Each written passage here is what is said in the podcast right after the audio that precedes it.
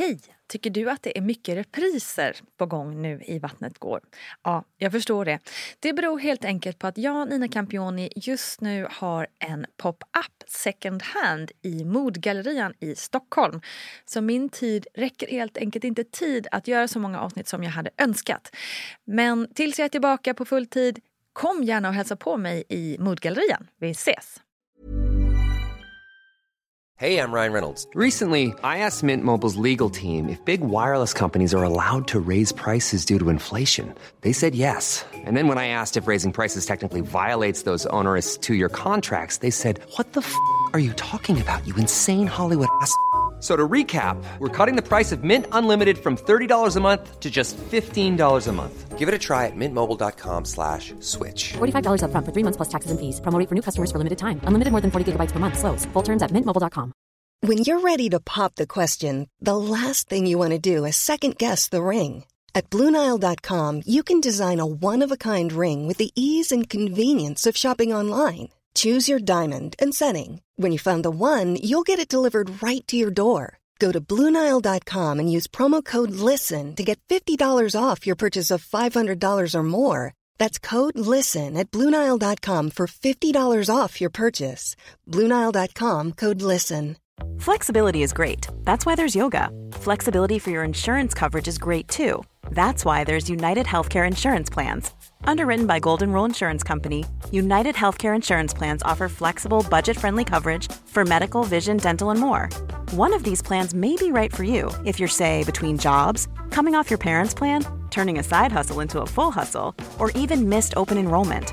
Want more flexibility? Find out more about United Healthcare Insurance Plans at uh1.com. Hey, I'm Ryan Reynolds. At Mint Mobile, we like to do the opposite of what Big Wireless does. They charge you a lot, we charge you a little. So naturally, when they announced they'd be raising their prices due to inflation, we decided to deflate our prices due to not hating you. That's right. We're cutting the price of Mint Unlimited from $30 a month to just $15 a month. Give it a try at mintmobile.com slash switch. $45 upfront for three months plus taxes and fees. Promo for new customers for limited time. Unlimited more than 40 gigabytes per month. Slows. Full terms at mintmobile.com. Hej hallå alla härliga människor. Välkommen till Vattnet går med mig Nina Campioni. Och den här veckan är det sån där underbar frågepodd igen med allas våran barnmorska Gudrun Abascal. Hallå Gudrun! Mm, hej hej! Hej allihopa! Kul att vara med igen. Ja, härligt att ha dig här. Ni vet väl det att ni så himla gärna kan skicka in er egna frågor till Gudrun och då är det bara att mejla till vattnetgar.gmail.com Så tar vi med det här i den här lilla podden. För det kommer ju väldigt mycket roliga olika frågor, eller hur Gudrun? Ja, alltså jag har väl aldrig lärt mig så mycket. Nej, det är så va? På alla frågor. Men det är jättebra för min allmänbildning också som barnmorska. Ja. För allting kan jag inte själv, men jag har ju bra kontakter. Alltifrån professorer, barnmorskor och kvinnor som har gått igenom saker själva som, som jag får lära mig mycket på vägen. Det är jätteroligt. Ja, men jag förstår det. Det är väl bra att ni får hålla er på tårna också, ja. tänker jag. man, man, man blir aldrig fullärd. Faktiskt. Vi drar igång tycker jag. Här kommer fråga nummer ett. Hej! För det första, tack för en fantastisk podd. Ni har räddat många ensamma luncher i hemmajobbandet detta året. Ja, men vad härligt. Tack för det. Jag har en fundering. Jag och min man funderar på om vi ska försöka skaffa barn nummer två. Men står och velar i om det verkligen är lämpligt med tanke på pågående pandemi. Hur tänker ni eh, kring det här med att bli planerat gravid mitt i corona? Ja, det är här som jag, jag har utnyttjat alla mina kontakter som arbetar på barnmorskemottagningar och läkare och barnmorskor och de jag har pratat med, jag har pratat med ganska många då här i Stockholm och de, de säger så att nej, det är ingenting som man avråder ifrån i att vänta med att skaffa barn om man känner att det här är angeläget att man, man vill det. Och nu var det någon som sa också nu eh, i och med liksom att, att det här med vaccinet kommer och så vidare. Men det finns ju ingen forskning eller studier som visar att det här är speciellt farligt för för eh, barnet eller för kvinnan. Det enda är man ska tänka på att covid-19 det är i slutet av graviditeten att man ska undvika då och då handlar det mer om att det är en tung belastning för kroppen att vänta barn. Det är både, eh, ja, man är, kroppen är ansträngd och det är väl dumt att skaffa sig få sig en sån här infektion då blir för man sjuk kan, kan man ju bli så att säga. Mm. Men, men.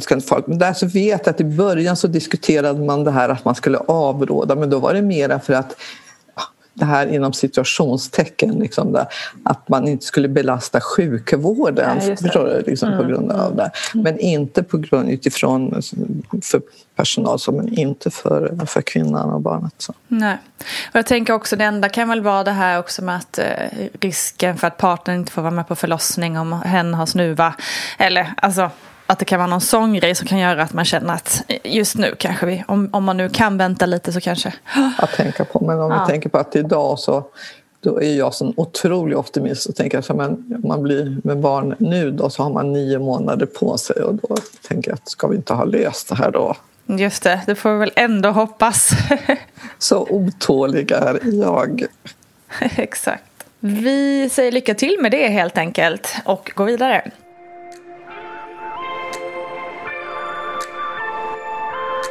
Hej, jag älskar Vattnet går. Tack för en bra podd. Gud vad härligt att höra. Eh, jag har varit med från början och lyssnat på alla avsnitt. Härligt! Säger eh, guldstjärna till dig, lyssnare. Eh, en fundering jag har är om du skulle kunna bjuda in en rödhårig föderska. För det finns nämligen teorier om att rödhåriga är motståndskraftiga mot bedövning och man måste bedöva mer eller att det kanske inte hjälper alls.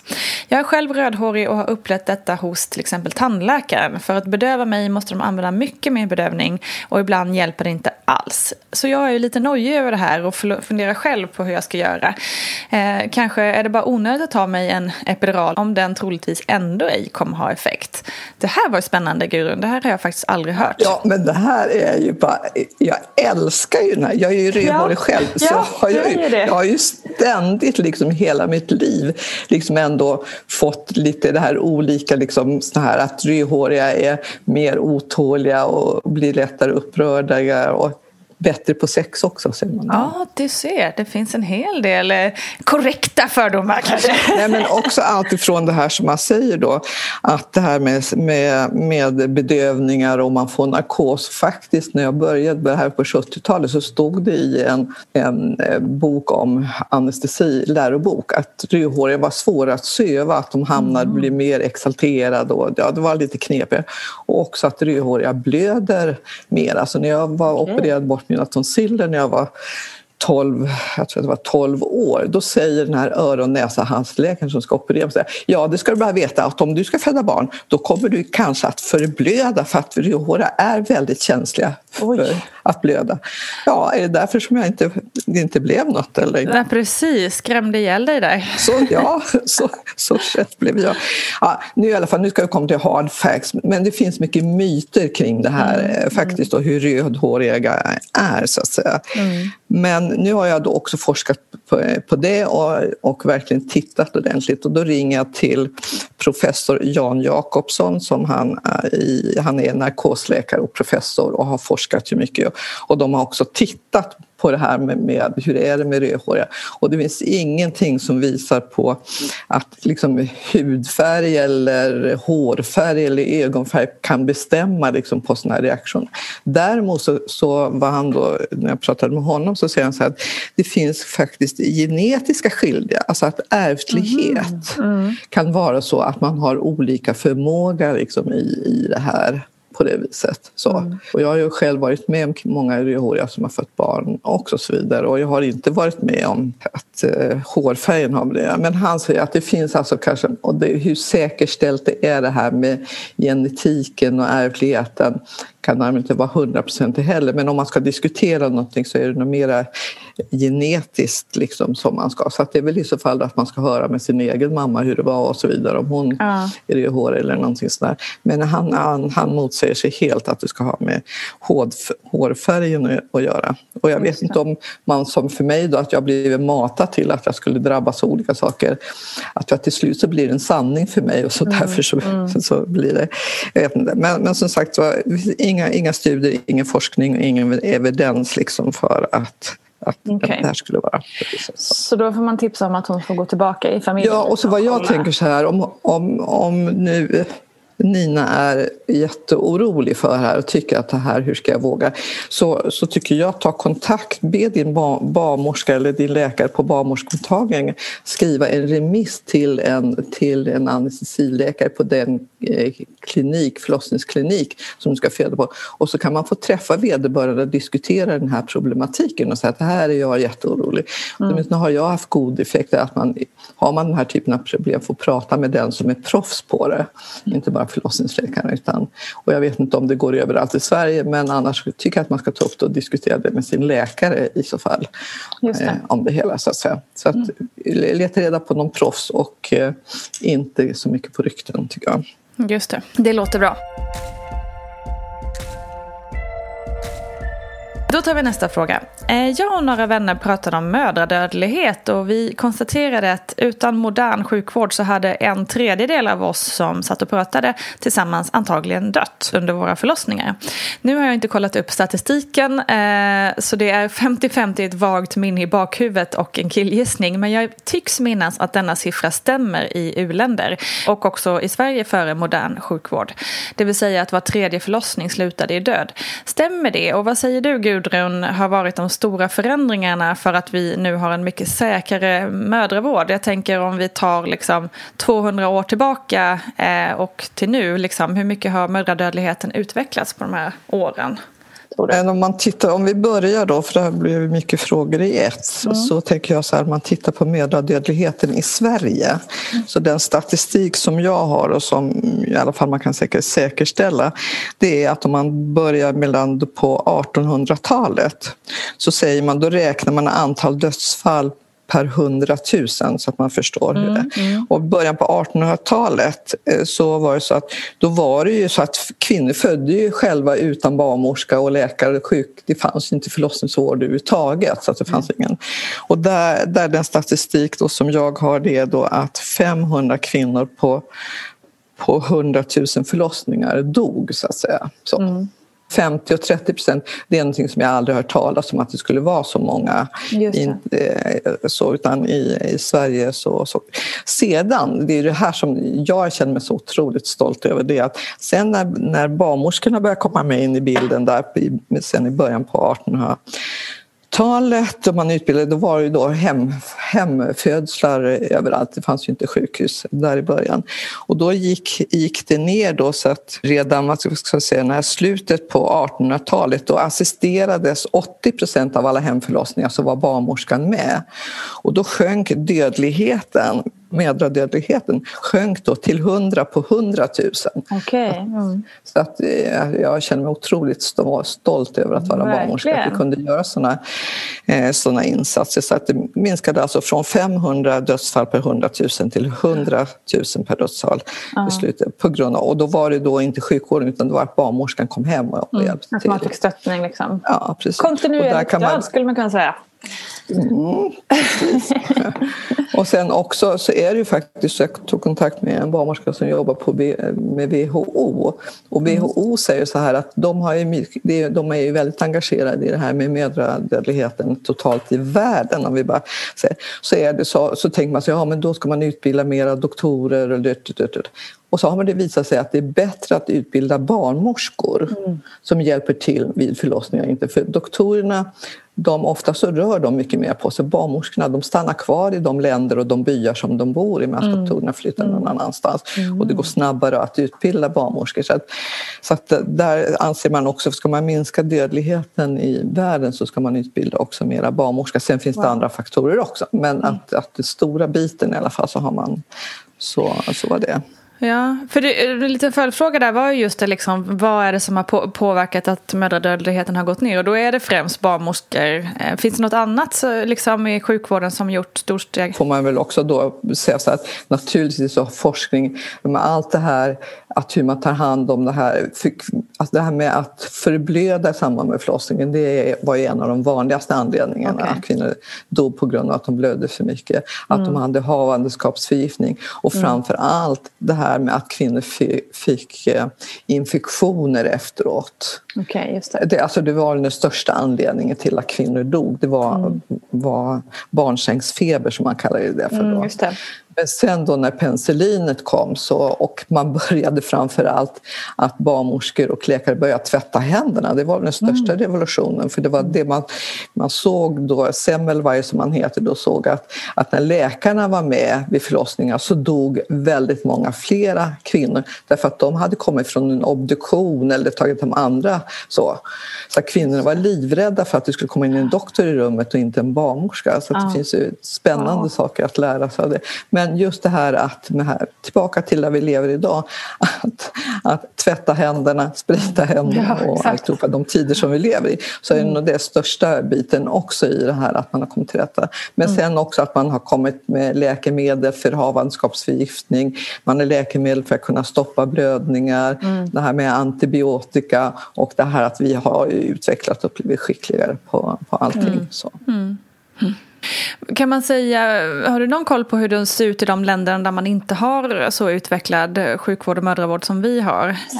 Ja, där har jag också plockat fram lite statistik. Och eh, där så säger man, om ta till exempel Sierra Leone, mm. där är det då 1100 kvinnor som dör per 100 000 förlossningar. I Chad är det 980 kvinnor som dör per 100 000 förlossningar. Mm. Och i Somalia så är det 850 kvinnor av 100 000. Mm. Och I Sverige idag så räknar man alltså att det är 4 till 6 kvinnor per 100 000. Och då ska man också veta, tycker jag, att när man då pratar om mödramortalitet så, är, så tror man ju att det är kvinnor som dör under förlossningen mm. enbart. Mm. Men så är det inte. När man räknar mödramortalitet då räknar man från alltså själva förlossningen till 42 dagar efter Jaha. att barnet är fött. Okay. Där räknas mödramortaliteten in så att man inte går omkring och tror att, att det behöver vara så att, att det, och vad som tycker jag är lite tråkigt eh, liksom i, i den här statistiken, vad som är en, en av de vanligaste anledningarna till dödsorsaken då när man räknar in de här 42 dagar post efter förlossning, det är att kvinnor eh, begår självmord. Ja, jag skulle precis fråga det. Så att de är ju också inräknade i det ja, hela. Så att det är inte alltid det som händer och att det finns mycket olika. Men, men det är ju väldigt tråkigt att känna att ja, det verkligen. Men där ser man också då att, att man ska finns kunna jobba mer med det här med förlossningsdepression och mentala, mentala... Jo, jo men precis. Och det är ju det är där tror jag att, att de stora också, de stora insatserna måste komma nu. För att jag tycker att vi är duktiga på att ta hand om kvinnor under tiden som de väntar barn och vid förlossning också. Men sen så händer det någonting när man kommer hem och vad mm. det här med kontakter, vi har pratat om Exakt. det tidigare. Att den här sociala stödet liksom, och framförallt professionell, att få professionell hjälp när man inte mår eh, känslomässigt bra. Att det måste vi satsa väldigt mycket mer på. Det håller jag 100% med om. Men vilket jätteintressant ämne. Det här känns som att man skulle kunna göra ett specialavsnitt om eh, historien bakåt i tiden. Jättespännande.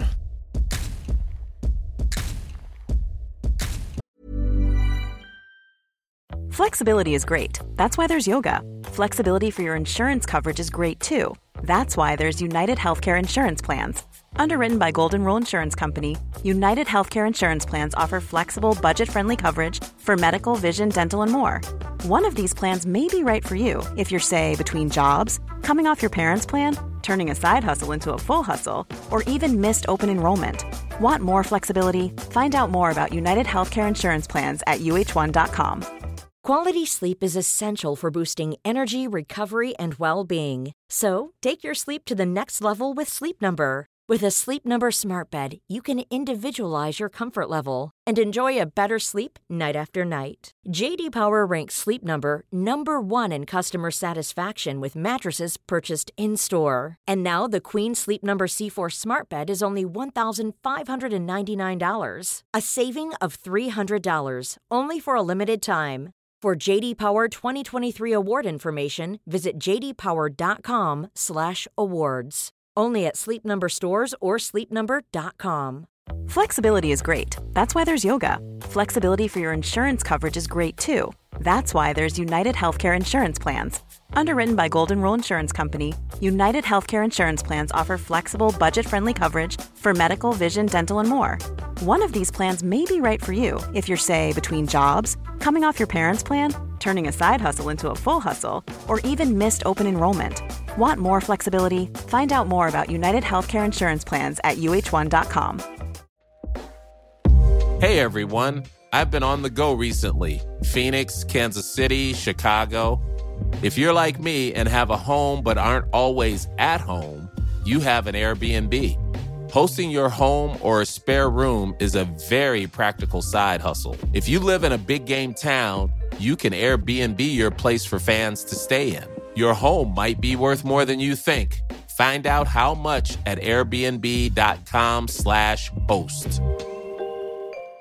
Hi, I'm Dory Shafrir. And I'm Kate Spencer. And we are the hosts of Forever 35. And today we're talking about Club Med, the best all inclusive getaway for families. Today, Club Med has nearly 70 resorts worldwide, from beachside resorts in the Caribbean and Mexico to magical locations in the Maldives and Morocco to ski resorts in the mountains from Canada to the Alps. Between their all inclusive family programming, wellness offerings, land and water sports, and their French heritage inspired food and drink offerings, Club Med is the best way to elevate your family getaway, no matter which location you're at.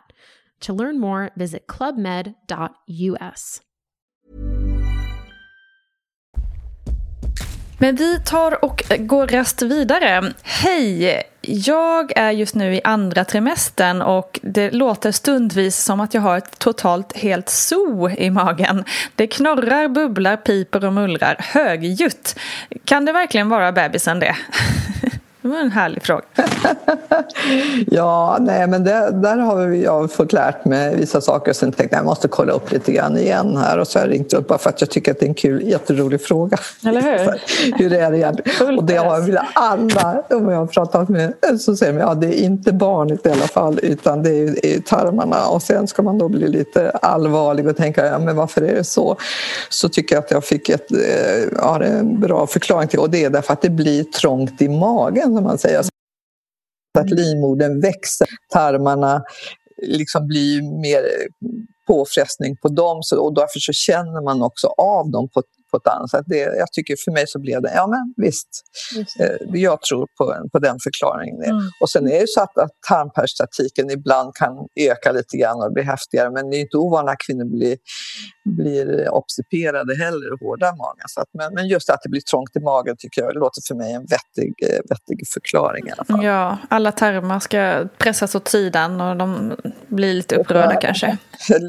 Livmodern ligger ju liksom på tarmarna så att säga. Så att det är inte ja. så konstigt. Nej, men det, det, är nog inte så konstigt. Men det låter också eh, kanske inte så kul. Alltså, jag, tänker, jag ser framför mig att hon sitter på något möte eller något och så bara får man det där härliga man ljudet. man kan skylla på barnet. Man kan skylla på bebisen. Precis.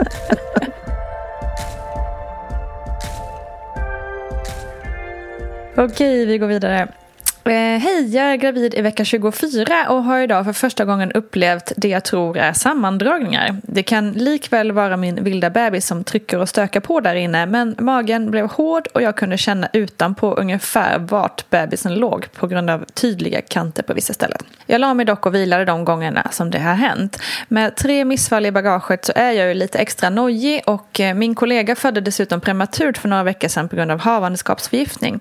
Så därför undrar jag lite hur funkar det egentligen med sammandragningar? När brukar det börja och hur ofta kan det komma?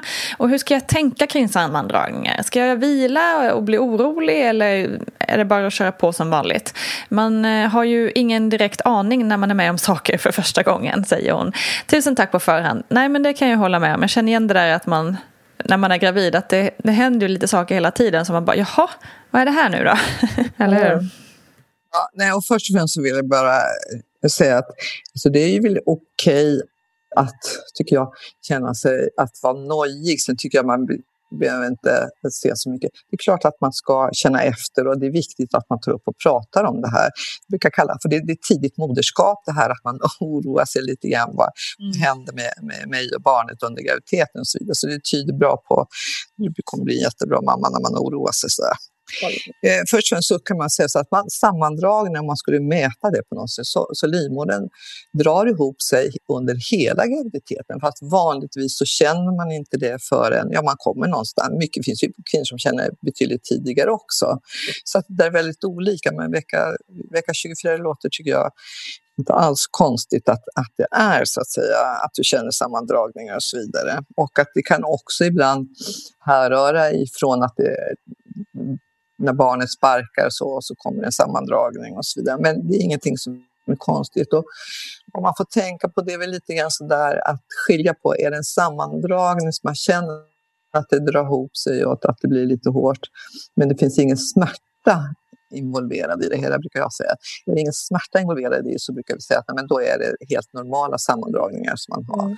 Samtidigt så tycker jag att om det är, med tanke på din bakgrund och så vidare, så där, att om det känns att ja, men det här vila är väl klokt, att man ska inte överanstränga sig och inte lyfta mycket och så inte springa och hoppa och göra sådana saker, tycker jag då, utan mm. ta det lugnt och så får man gratulera till att jag kommer till vecka 24 eh, i alla Verkligen. fall. Och och eh, jag tycker också att, eh, att är det så att man är orolig, så ta upp det med din barnmorska på, på barnmorskemottagningen så att ni får prata igenom det här. Och, och, så, och sedan så, det enda sättet man kan avgöra om de här sammandragningarna, om man är väldigt tveksam och tycker att nej, det kanske gör ont och det kommer väldigt regelbundet och det tilltar i styrka och sådana saker ja, att man söker upp sin barnmorska. För man kan då kontrollera för, för att känna, göra en undersökning och känna på livmodertappen. För det är det som avgör då om sammandragningar har någon effekt eller, mm. eller inte. Men, men det tycker jag att är det så att sammandragningar känns ungefär på samma sätt, de kommer och går av och till i olika situationer, så behöver jag inte vara så orolig. Utan det är mera, är det smärta involverad i det? Kommer de tätare? Sitter det i längre och att det tilltar på något sätt så, så tycker jag att man ska då ska man söka hjälp. Och framförallt så det är ju enkelt för barnmorskan att undersöka och känna på livmodertappen så att man nej, men det har inte hänt någonting och då känner man sig lugn och kanske att det blir att det blir mindre sammandragningar också, tänker jag. Så mm. så, så, men så prata med din barnmorska. Men med din bakgrund, självklart att man, man tänker på det här. Ja, eller hur? Det är verkligen inte eh, speciellt konstigt.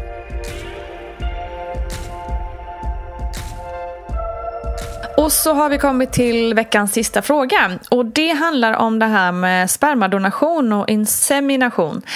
Det är ju ganska nyligen så att det har blivit tillåtet i Sverige. Och då var frågan när blev det tillåtet i Sverige? Varför ligger vi efter inom de här områdena om man jämför med till exempel Danmark? Säger du Gudrun? Jag ska börja med, med danskarna då. Ja, de är väl före med allting. De tycker det är kul hela tiden. Nej, förlåt. Nej, men de är ju mycket så lite mer laidback. Och eh, nu är det ju faktiskt så, så att eh, någon annan förklaring har jag inte.